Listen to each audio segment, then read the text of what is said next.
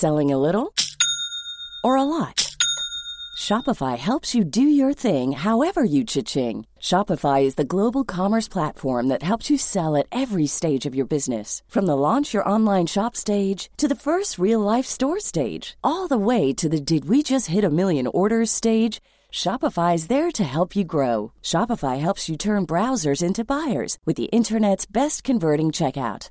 36% better on average compared to other leading commerce platforms because businesses that grow grow with Shopify. Get a $1 per month trial period at shopify.com/work. shopify.com/work. Du lyssnar på en podd från Media House by RF. Eh, hej och välkomna till första avsnittet av eh, vår nya podd. Hur svårt kan det vara? Jag kommer bli så stressad du, Vet du, jag skulle vilja göra en podd med bara Elin. jag och Elin. Ja, okej. Det här jävla bordet låter ju Ja, också. det Vi får inte röra på det. Nej. Ja, men eh, vi kör. Tilde, vill du presentera oss? Ja. Du börjar skratta. Förlåt. Vi får typ titta åt olika håll. Nej men alltså, jag kan... Okej Tilde, jag eh, lämnar över ordet till dig. Tack. Eh, ja, eh, varmt välkomna till första avsnittet av eh, vår nya podd. Hur svårt kan det vara? Hur sjukt? Verkligen, jättesjukt. Jag trodde eh, inte att det här skulle bli av när du nämnde det för mig första gången men, men här sitter vi idag. Du hade nog absolut inte trott att det skulle bli en av dina... Arbetsuppgifter? Nej, exakt. Nej, när jag började här så var det ganska långt ner på min lista vad jag trodde att jag skulle få göra om dagarna. Ja. Men eh, vi tänker att vi hoppar in i första avsnittet genom att presentera oss själva. Mitt namn är Lina Dolk, jag är 25 år gammal och vid min sida så har jag Tilde de Vrang, eh, jag är 20 år gammal eh, och anställd hos dig. Precis. Jag eh, driver ju Dolk Dressage hemma på våran gård här i Sparaholm och Tilde började jobba här för lite mer än ett år sedan. Mm. Och eh, jag har ju i hela mitt liv, höll jag på att säga, men i väldigt, väldigt många år hållit på med sociala medier. Jag började blogga för en herrans massa år sedan eh, och i våras så blev det inte så mycket mer utav bloggandet. Nej. Det, den, den dog ut. ja. Och eh, Rebecka som driver Media House by RF kom med den härliga idén att vi skulle starta en podd istället. Och vi har sugit lite på den här karamellen ett tag och har väl inte varit så super eh, säkra på om vi ska göra det eller inte. Men vi tänker att vi ger ett försök. Vi kommer att dela med oss av vår vardag som är både upp och ner. Eh, och ja, ni som håller på med hästar vet ju hur en vardag med hästar kan se ut. Eh, och vi tänkte försöka involvera er så mycket som möjligt eh, i den här podden. Yes. Och jag bara längtade några veckor när det här bara flyter på. Rebecka kommer skratta så mycket åt oss. Eh, ja. Vi har en plan att ha lite återkommande segment i den här podden. En sån grej är veckans fråga, då vi får otroligt mycket frågor varje vecka på vår Instagram. Eller jag får eller åtminstone. eh, och då tänker jag att det är ett perfekt tillfälle att ta upp det här i podden. Eh, så att en grej vi kommer ha varje vecka är alltså veckans fråga. Och kommer ni på fler saker så får ni jättegärna skicka in det till oss. Eh, så, så ska vi försöka ta med det också. Och vi har också kommit fram till att inte ha någon podd-Instagram. Ja. Eh, så att vill ni skicka in förslag så är det enklast att göra det på Linas Instagram som är Lina Dolk med två i. Ja, eller på min Instagram som är tilde.d. Eh, vi har väl också planerat att tillägna liksom lite mer hela avsnitt till typ frågestunder och lite så. Ehm, så att man får ut lite mer av, av eh, allt. Ja men precis. Och eh, eftersom att vi inte har någon veckans fråga, eftersom att det är första avsnittet, så tänker jag att vi kör en liten frågestund med varandra. Så Tilde, berätta. Vem är du? Vart kommer du ifrån? Eh, ja, eh, jag heter ju Tilde då. då. Eh, jag kommer eh, från Stockholm, eh, om man inte hör det. Eh, Så att jag eh, bor egentligen och har bott hela mitt liv i Stockholm. Eh, Men när jag började jobba här så flyttade jag hit eh, till ett litet hus som eh, vi hyr. Mm. Ehm, Så jag jobbar här på eh, måndag till fredag och sen eh, en helg i månaden. Och sen eh, resterande tid så bor jag i Stockholm. Ehm, Jag har hållit på med hästar i hela mitt liv. Eh, Gick på ett hästgymnasium eh, och eh, andas och tänker bara häst i princip. Ja. Ehm, Och du är ju en så kallad Ågesta-tjej. Yes, det är jag verkligen. Du har hängt där i många år. Ja, eh, uppvuxen på Ågesta. Eh, och det var väl så egentligen jag kom i kontakt med dig också från början. Eh, då du tränar för Christian och jag har tränat för Christians fru Linda hela mitt liv. Så det var faktiskt Linda som förde oss samman skulle jag säga Mm. från början. Ehm, Linda är bra. Hon för många människor och hästar och människor samman. ja, Så vi har många att tacka Linda för olika saker i livet. gud ja, verkligen. Ehm, Och har du egen häst? Jag har eh, egen häst i nuläget och han står här. Eh, en eh, 19-årig vallack eh, som heter Cassis. Eh, och sen bor i Stockholm bor mina föräldrar på hästgård så att vi har lite smått och gott där hemma också. eh, lite blandat ponnysar och shetlandsponnysar och så. Som det ska vara. Yes. En eh, härlig, salig blandning. Du nämnde att du gick på hästgymnasium. Berätta. Vart gick du? Eh, ja, jag gick på Berga naturbruksgymnasium i Västerhaninge. Eh, jättekul tycker jag. Eh, ett jättebra upplägg för någon som är så hästnördig som jag. Eh, det var ett, eller det är ett eh, internat så att man kan välja om man vill bo där eh, eller om man bara vill gå sin vanliga skolgång där. Eh, vilket gör att man kan ju, det var människor från hela Sverige på min skola, vilket var jättetrevligt. Ehm, Du får komma in. Vi får Välkommen in. Så, ursäkta avbrottet. Tur att Rebecka får klippa det här då. Perfekt. Du pratade om eh, Eh, internat. internat. Ja. Det var bra. Eh, ja, jag tycker att det var, en jättecool eh, upplevelse att eh, bo på internat. Man bildar som en liten familj där på skolan.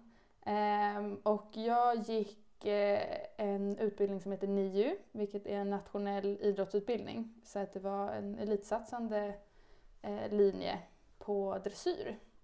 Ehm, som jag obviously tycker bäst om eftersom att jag hamnat här. Ehm, vilket gjorde att eh, jag fick eh, lite träningar i veckan för eh, Jenny Larsson. Eh, jätteduktig dressyrtränare. Eh, och eh, avsutten träning eh, och eh, lärdom om allt som har med häst, häst att göra. Ja, det är väl perfekt. När jag skulle börja gymnasiet så var jag också lite inne på hästgymnasium och eh, tyckte hela grejen lät väldigt kul men insåg att med fler hästar så var det lite svårt. Ja, Men jag kan tänka mig, har man en häst och möjligheten att flytta till skolan och liksom köra all in hela den grejen så är det väl en jättekul tid kan jag tänka mig. Ja, det var en, eh, det var en speciell eh, upplevelse de här tre åren. Ehm, Du valde istället att gå ett crossfit-gymnasium. Det var, kände jag var lite udda egentligen. Ja, det var lite oklart. Ja, eh, precis. När jag då skulle börja skolan så hade jag väl en tre, tre hästar hemma. Ja, En ponny och två, två ponnysar och en stor häst eller något, något sånt. ja. Eh, och insåg att ta med mig alla de tre till en skola gick inte riktigt ihop ekonomiskt och jag var jättenöjd med liksom, att ha stallet hemma och min tränare hemma och all hjälp som jag fick av Elin, min syster. Så att för mig var det egentligen inte ett alternativ utan då tänkte jag att då går jag ett vanligt gymnasium. Eh, och så tänkte jag men först så går jag väl det som är närmast hem så jag liksom får så mycket tid som möjligt hemma. Ehm, men sen så hamnade jag ändå i Eskilstuna som ligger 45 minuter härifrån. Så jag pendlade in dit varje dag och gick eh, ett crossfit-gymnasium som sagt med SAM beteendeinriktning. Eh, och tänkte att eh, skulle jag mot förmodan inte hålla på med hästar så kan det vara bra med en högskoleutbildning. Så att, det har jag ju där Ja. någonstans bak i mina gymnasiebetyg. Och det känns ju som att det inte var så länge sedan. Men när man börjar räkna så var det ju några år sedan man tog studenten. Var inne på typ, vad, vad kan det vara, fem, Fem, sex, sex år? det borde bli sex år för dig va? Ah, 2016 tog jag Ja, studenten. det är helt, ja, det var, vad var det vi kom fram till? Att när du tog studenten så hade jag inte ens börjat gymnasiet än. Du är en liten plutt. Ja, du är en gammal tant. Ah, nej, Ja. det är ändå spännande.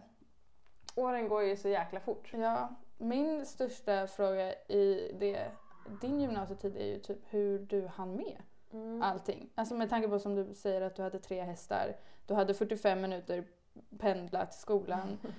Och alltså bara så hur du orkade gå ett crossfit-gymnasium och sen stall och rida och liksom allt. Och skola, alltså så läxor och grejer också. Han du ens, gick det ihop? Alltså jag var ju expert på att lämna in så lite sent eller i sista sekund. Eller Ja. flörta till med en dag extra på läxan mot mina lärare.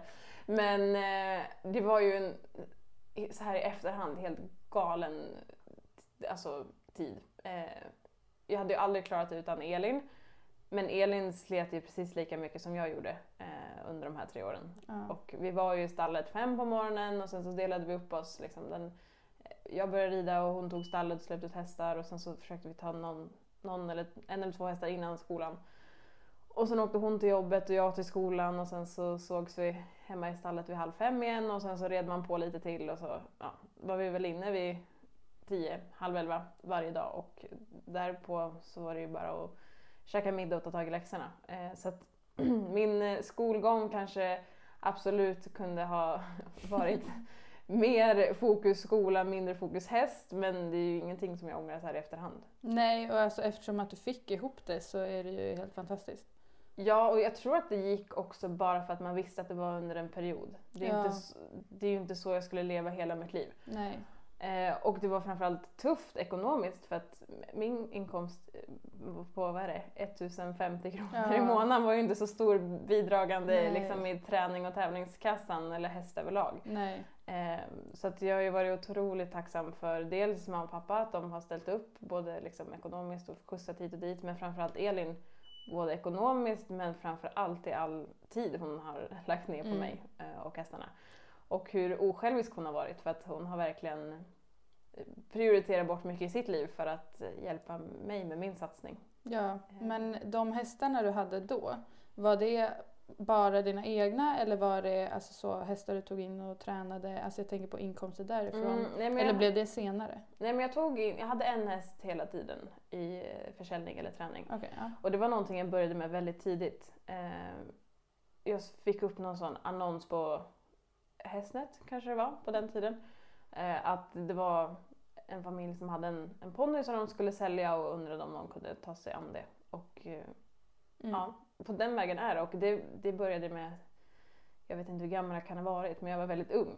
Ja, för jag, t- jag tänker att alltså, så länge jag så har vetat vem du är eller så man har sett dig på Instagram eller så, så har det alltid känts som att man har känt igen dig för det. Alltså Mm. att du har eh, från början liksom hjälpt till att sälja, ja, hjälpt till att sälja hästar och ponnysar och så. Ja, Det känns som att det var typ ja, men i övergången när du tog över Bigless som man så kanske mer kände igen dig som alltså, tävlingsryttare Mm. för någon som in- inte var jätteinsatt då. Jag var ju fortfarande Mm. ganska liten när du tog över Bigless. Alltså Mm. för någon i min ålder då. Eh, så var det ju mer så, oj, okej. Hon är inte bara så någon som tar in lite små söta ponnysar liksom. Ja, nej men det stämmer. Och, som sagt, jag tog, började väldigt tidigt. Så att under hela gymnasiet så hade jag väl, jag tror att jag hade Oj Oj och jag hade Julin då, min storhäst. Så jag hade Mm. en ponny och en stor häst och sen så hade vi alltid en eller två eh, försäljningshästar eller tillridningshästar. Ponnysar var det Mm. oftast på den tiden. Ehm, och ehm, ja, sen sista terminen på gymnasiet, alltså sista, året innan jag tog, eller sista halvåret innan jag tog studenten, då tog jag över Biggles också. Och då Mm. var det ju helt galet. För Mm. då stod Biggles på Brolöten som Mm. ligger 10 minuter hemifrån mig och vi hade fyra hästar hemma. Och det är Åh, ganska gud. mycket inför studenten. Eh, Ja, jag tänkte säga det. Alltså, jag hade en häst och jag hade liksom, kunde knappt hålla allt i schack. Eh, Så jag Ja. kan bara tänka mig hur det var, Ja, hur det då, var för dig. då var det, då var det Mycket. körigt. Mycket. Ja, Minst sagt. Eh, men så värt det. Och så Ja. mycket man, man lärde sig. Och eh, eh, jag eh, så här i efterhand ångrar inte en sekund. För att man fick, eh, man fick verkligen uppleva vad hårt arbete var. Mm. Men eh, det var ju där någonstans i början på Biggles-tiden som det verkligen tog fart. ja.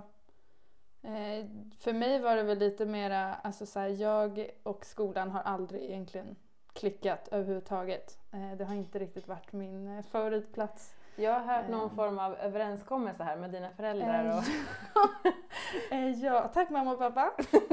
Nej men jag, efter nian så var jag, alltså jag visste ju att jag behövde gå gymnasiet men jag bestämde mig ganska fort för att ett vanligt gymnasium där man sitter i, bakom skolbänken från liksom stund man kommer dit tills man går hem passade inte riktigt mig.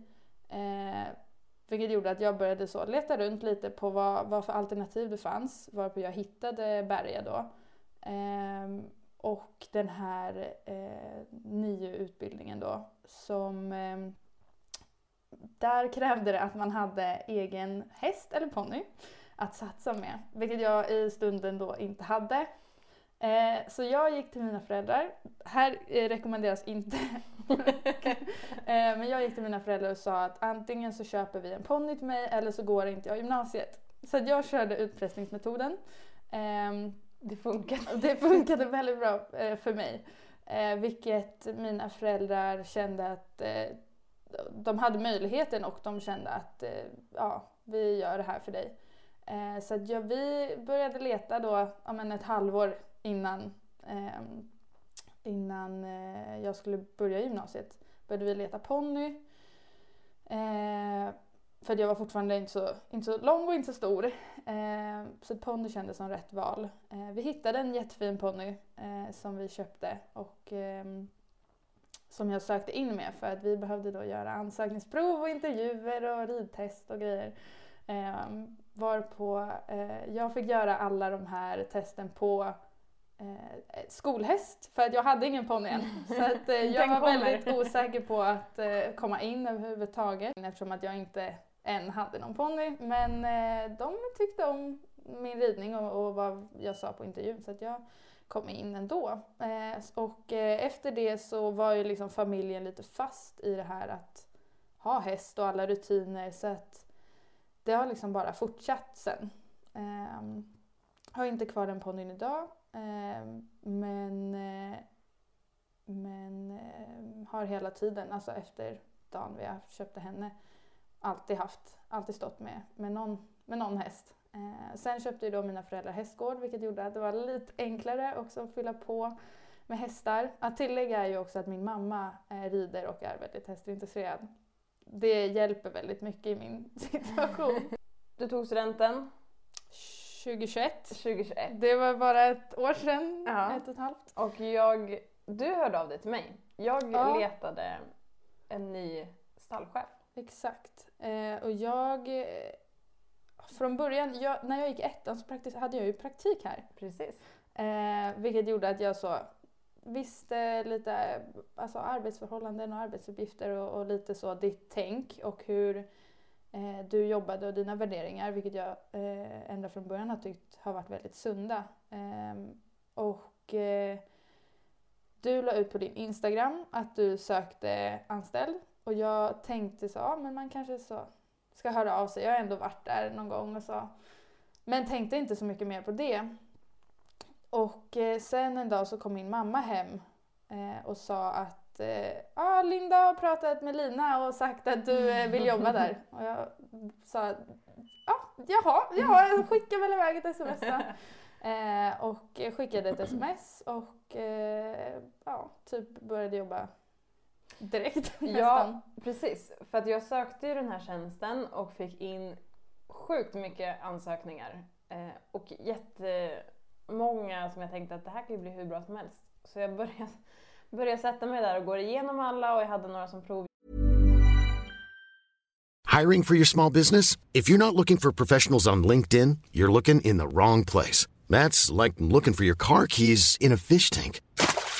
LinkedIn helps you hire professionals you can't find anywhere else, even those who aren't actively searching for a new job but might be open to the perfect role. In a given month, over 70% of LinkedIn users don't even visit other leading job sites. So start looking in the right place. With LinkedIn, you can hire professionals like a professional. Post your free job on linkedin.com slash people today.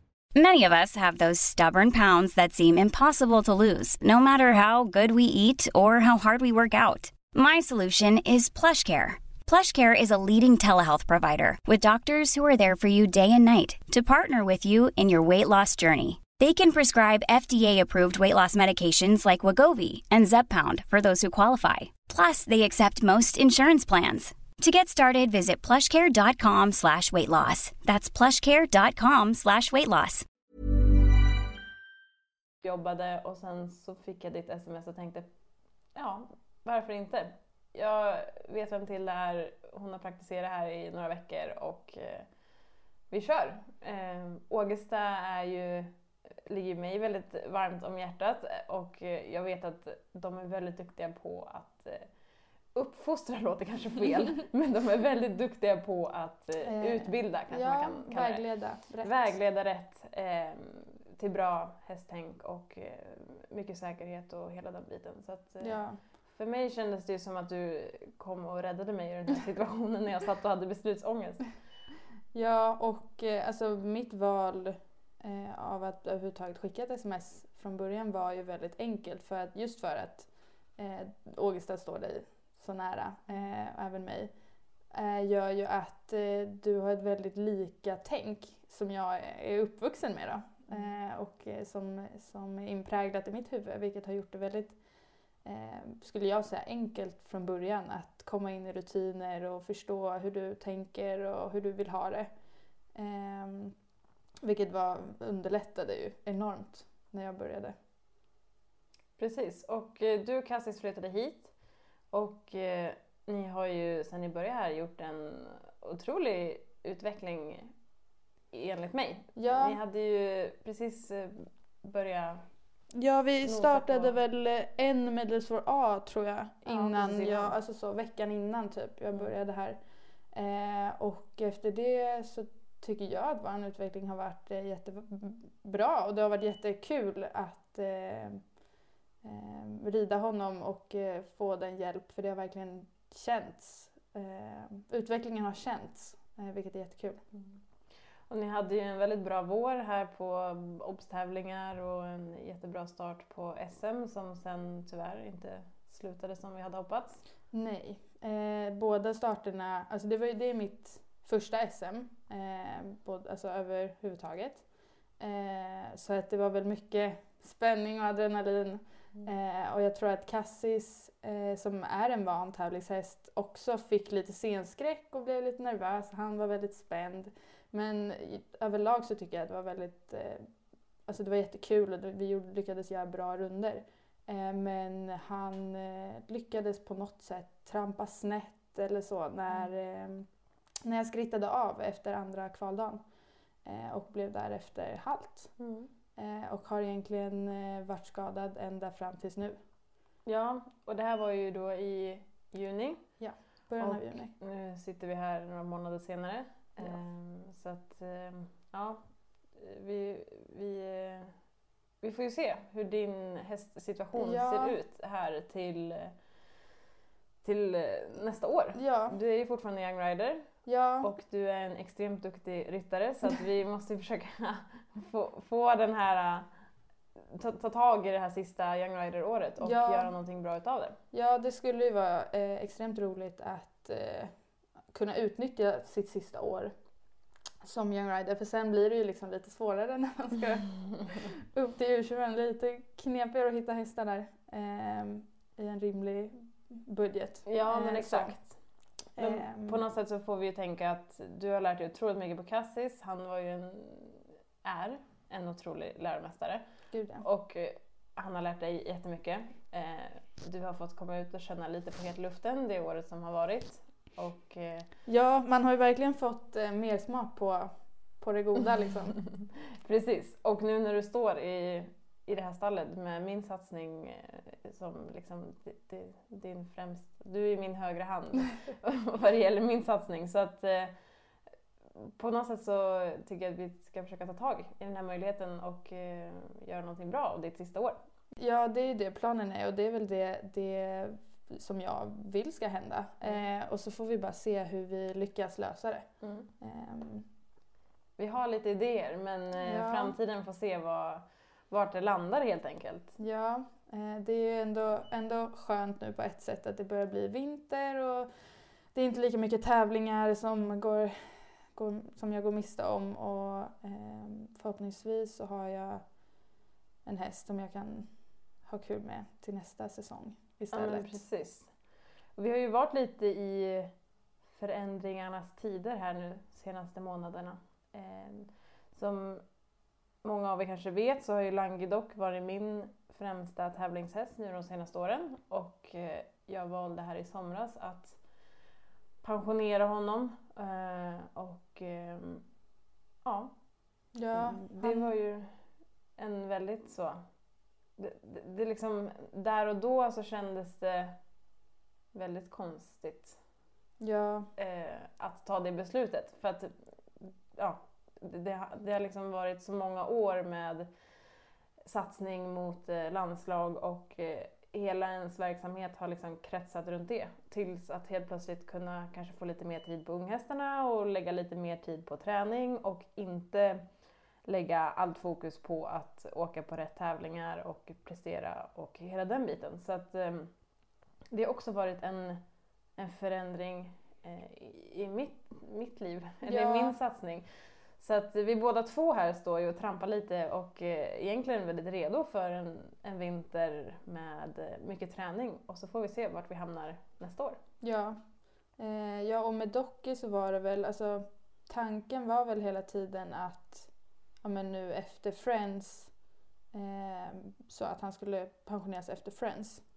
Ja, exakt. Tanken var att han skulle pensioneras efter Friends och eh, vi skulle rida Lövsta i Friends och eh, jag kände väl egentligen redan på SM att vi kanske inte riktigt var i någon slags toppform. Eh, han gjorde det fortfarande väldigt bra. Vi kom hem med en silvermedalj. Han vann första dagen och eh, vi tappade lite andra dagen men totalen kom vi hem med en silvermedalj och sen så eh, hoppade jag över NM för att jag tyckte inte riktigt att vi var i, i rätt, rätt form för att åka på ett mästerskap. Och eh, då åkte vi till Falsterbo och han gjorde det jättebra där också, kom hem med två andra placeringar. Men jag kände hela tiden att vi var inte riktigt på samma nivå där vi har varit. Förra året, eller 2021, var ju helt, helt otroligt och han eh, levererade ju mer än vad man någonsin hade kunnat tro eller önska. Gud ja. Han, Eh. det var ju verkligen varje tävling kom ju hem med, med Ja men han var, en, och- han var en riktig så segermaskin och eh, verkligen så eh, överpresterade mina, eller han, han presterade över mina förväntningar eh, gång på gång. Och eh, hela det året var ju som en dröm. Och början på det här året var ju också riktigt, riktigt bra. ja. Men eh, jag kände väl där någonstans i somras att vi inte riktigt var på den nivån och då tänkte jag att vi tar sommaren, han fick lite lugnt och bara gå i hage och sen så tänkte jag att vi tar nya krafter. Vi hade ju fortfarande ett Europamästerskap som låg i september för oss i år eh, och eh, planen var ju hela tiden att åka till det. Eh, Men jag satte igång honom och han kändes riktigt fin. Och sen så när jag gjorde min första riktiga liksom, ordentliga träning så var jag jätteglad, jättenöjd Mm. och tänkte att det här var verkligen rätt beslut. Att han fick bara ta några veckor i gräshagen och sen så laddade vi om, både han och jag. Eh, och sen så kände jag dagen, dagen efter den träningen eh, så var han lite trött i kroppen. Eh, absolut fräsch och eh, bjöd på fin känsla men återigen den här eh, Mm. Ja, men vi, vi var inte riktigt där vi Mm. brukar vara. Och då tyckte jag att det var, det Mm. var dags att eh, ta beslutet. Han har gjort så otroligt mycket för mig och för svenska landslaget och för Christian och eh, han, han är värd att avsluta sin karriär på topp. Gud ja. Ehm, verkligen. att, ehm, Han fick pensioneras lite tidigare än tänkt och har flyttat till ägarna som har honom på Ledingenäs, vilket är ett jättefint ställe i Stockholm. Så han står där och lever livets glada dagar. och Ja. ja. ja, det känns jättebra att han är det. Han, eh, det är ett jättefint ställe, bra personal och ägarna bor också nu på, på gården och kan vara nära honom och lägga all tid och pyssel på honom. Så Ja. han har det jättebra. Vi saknar honom jättemycket. Ja. Men eh, det är bra att det inte är allt för långt bort. Och jag kände i helgen att så här, gud, jag saknar han så Ja. mycket. Så vi, vi får ta någon dag och åka och hälsa på honom. Ja. Ehm, Han eh, lämnade faktiskt ett stort eh, tomrum skulle jag vilja säga. Alltså mm. tiden som jag har varit här har ju han varit i full gång typ hela tiden. Mm. Och det har ju egentligen, alltså vardagarna har ju typ kretsat i största del runt honom. Kring Docky, ja. eh, för det har ju absolut. alltid varit så här, springer han i hagen då släpper man det man har i händerna och så går man till honom och det spelar liksom ingen större roll vad man gör. Eh, Mm. Han ska alltid eh, gå först. Ja. Och sen när det liksom inte var prio längre var det så här, jaha, Ja. vad vad- nu då? Väldigt Ehm. eh, annorlunda känsla. Ja. Och eh, ja, jag kan tänka mig, alltså jag var ju bara med honom i ett, ja, men ett år. Du var ju med honom i, vad är det, fem, hur många år var ni med? fem? 2018, 19, 20, 21, 22, ja fem ja, år. fem år. Mm. Alltså jag kan tänka mig att han verkligen har eh, gjort avtryck hos dig. Ja men det har han. Han var en väldigt speciell häst. När jag fick han så tyckte jag att det var lite svårt att så komma in på djupet och liksom Mm. lära känna honom Mm. för att han är lite eh, liksom, han, Han är lite egen. Ja, han är väldigt egen och han behöver känna sin omgivning. Mm. Eh, men det är också den hästen jag verkligen har lärt mig att bandet mellan häst och ryttare från marken Mm. är så otroligt viktigt och vi har lagt jättemycket tid på att bonda han och jag och inför stora tävlingar så har jag liksom försökt att det är jag som gör i ordning och jag försöker att det är alltid jag som liksom klipper honom Mm. och alla sådana saker. Mm. Mest för att han liksom ska lägga allt sitt förtroende i mina händer. Och eh, det bandet behöver vi verkligen inne på banan. Eh, för att som Biggles till exempel som jag hade innan, han gick ju in och showade loss. Ja. Liksom. Det spelade ju ingen roll, han kunde ju liksom Ah, inte vet jag, haft en, dålig dag höll jag på att säga, men vi kunde haft en dålig träning men det spelar Mm. ingen roll. Så fort vi kom Mm. in på banan så var det han som hade mest självförtroende av alla på den Ja. där tävlingsplatsen och eh, körde sitt race Ja. och gjorde det alltid väldigt bra. Medan Docky så behövde det verkligen Man fick stämma. typ stötta honom lite mer. Mm, verkligen. Alltså, istället för som du beskriver Biggles som liksom showar av. ja men honom att- kunde jag hänga på på ett Ja. helt annat sätt och bara Ja. njuta av hans så Ja. star-glans som han bjöd på. Medan Docky så fick vi liksom hålla varandra lite i hand på ett Mm. annat sätt. Mm. Och eh, vi började ju vår, vår karriär att rida som young rider och Mm. det tror jag också var väldigt bra. Docky fick backa lite, han hade gått Grand Prix med Christian innan. Fick lite scenskräck och fick backa och gå som young rider ett år och det tror jag var jättebra. Eh, Ja. Att vi fick verkligen så backa tillbaka eh, och det fick ta den tid det tog sen när vi Mm. började med Piaffe och Passage igen. Mm. Ehm, så att, ehm, nej det var, det var verkligen en eh, världens snällaste häst men också lite egen som man var tvungen att eh, lära känna lite på djupet för att han skulle ge, Ja, ge tillbaka. Och eh, oj vad han gav tillbaka. Det är ju liksom, ja, det är en eh, Ja, man blir lite rörd bara man tänker på det men det är Ja. en eh, ja, fantastisk band som man får med de här djuren och eh, Gud, ja. man saknar dem väldigt mycket. ja. Alltså jag tänker bara när jag började, det tog alltså ett bra tag innan jag kände så att Docky var alltså, en individ som jag tyckte om. Eller, alltså, så, han har ju alltid, han ju alltid varit underbart snäll. Ja. Det är inte det. Det är bara det att han, som du säger, inte riktigt släpper in alla Mm. människor.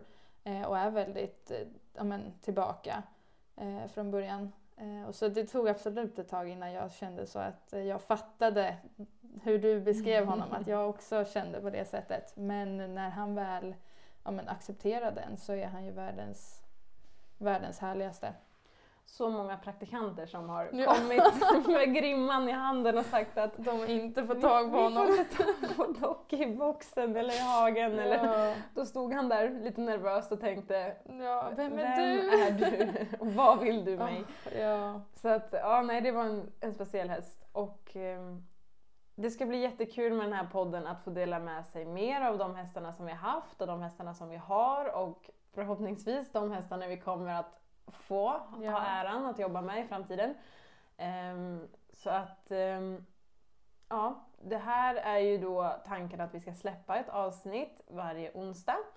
Vi ska kunna spela in början på veckan för att kunna dra lite vad som har hänt i helgen och förhoppningsvis så har vi en del tävlingar att dela med oss utav och vi har andra saker som händer på helgerna. Så Ja. att eh, varje onsdag så kommer det komma ett avsnitt. Nu har vi mjukstartat lite, presenterat oss och eh, landade direkt i lite gamla minnen. Ja. Så att eh, har ni fler frågor om oss så tänkte vi nästa vecka att vi kör ett eh, frågeavsnitt bara för att kunna svara på så många frågor som möjligt. Ni ska få lära känna oss och eh, ja, skicka in era frågor. Vi kommer att lägga upp en, eh, ett frågeformulär på Instagram till Yes. nästa vecka. Så att håll utkik där. Det kommer komma upp på både min Instagram och Tildes Instagram. Och har ni också flera önskningar om återkommande Segment. segment varje vecka så kom jättegärna med förslag. Så ska vi försöka göra den här podden till vår. Ja. Och eh, det ska bli en jättespännande resa. Jag som har bloggat och hållit på med Instagram i väldigt många år ska... Jag tycker faktiskt det ska bli kul att få inte visa en annan sida av mig själv men det kanske blir för de som lyssnar en, en annan... De får se en annan sida av mig då det faktiskt kommer i ljud Ja. och inte i text. Ja, och, Och- jag tänker att det är lite enklare kanske att gå in på, alltså så, ja, men som nu, som till, alltså så gamla minnen och så på, eh, i en podd än på typ Instagram. Precis. Så att eh, det ska bli superkul och det ska bli kul att få dra ut lite information ifrån dig. Du är ju Ja. inte så... Nej, alltså jag eh, håller ju liksom inte riktigt på med sociala medier på samma sätt som Lina gör. Eh, jag har, alltså min Instagram har ju alltid varit som min privata Instagram. Mm. Men eh, den får väl bli lite mer öppen nu helt enkelt. Ehm, och ehm, tidsmässigt så har vi väl inte riktigt sagt ehm, alltså så, hur långa avsnitt vi kommer släppa. Nej, Eh, utan... Eller vi har inte bestämt det. Det får väl bli lite på känn också. Så Precis. att det blir en Vi- surprise varje vecka. Vi babblar på och eh, så får vi se vad som kommer ut. Men någonting kommer komma ut varje onsdag. Eh, och podden heter ju då Hur svårt kan det vara? det, det kanske är en liten kaxig så... Jag tänkte säga, vi kanske skulle ha börjat med att förklara varför den heter det. Ja, alltså när jag var liten så hade jag på min vägg i mitt rum och jag skrev det i en sån här härlig färgglad målarfärg på sadelkammardörren. Då skrev jag hur svårt kan det vara? Eh, just för att jag tycker att det är så bra, bra inställning till allt. Verkligen. Jag är ju inte den som går och funderar och grubblar utan jag kör på. Ja. Och du kanske är lite mer jag är funderare. mycket mer funderare och grubblare. Grubblare, Så där ja. tycker jag ändå att vi matchar varandra väldigt bra. För att du eh, får mig att bara göra grejer och ibland får jag dig att så, tänka efter innan du gör grejer. Eh, Exakt. Men egentligen, alltså vårt mantra, alltså du har ju överfört det lite på mig också. Mm. Och det är väl vårt lite tänk så i vardagen överhuvudtaget här i stallet. Att så, Får vi in en treåring som Ja. galen? Hur svårt kan det vara? så, så kan det vara. Det är bara, bara göra. Ehm, Nej men precis, så det är ju lite vårat tänk Ja. överlag och jag Ja. har haft det, det citatet med mig ända sedan jag var liten. ja. Så att vi tänker, hur svårt kan det vara att göra en podd? Verkligen. Vi får väl se om vi får käka upp det här i framtiden. Och ni får ge oss några avsnitt innan vi kommer in i det här och känner oss bekväma och lyckas leverera bra poddar till er varje vecka. Men vi ska absolut ge det ett försök. Jag hoppas att ni vill lyssna.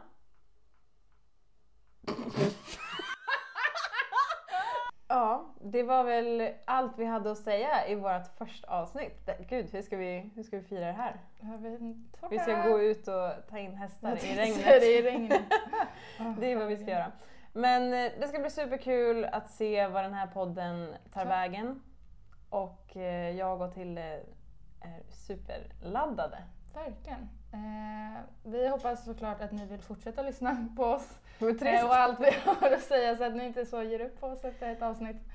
Ehm, De får ge oss några försök. ja, det tycker jag verkligen. Det blir jättebra. Tusen tack för oss. Vi ses nästa vecka. Hej då! Hej då!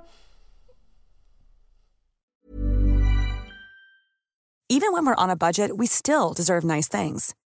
Quince is a place to scoop up stunning high-end goods for 50 to 80% less than similar brands. They have buttery soft cashmere sweaters starting at $50, luxurious Italian leather bags, and so much more. Plus, Quince only works with factories that use safe, ethical, and responsible manufacturing. Get the high-end goods you'll love without the high price tag with Quince.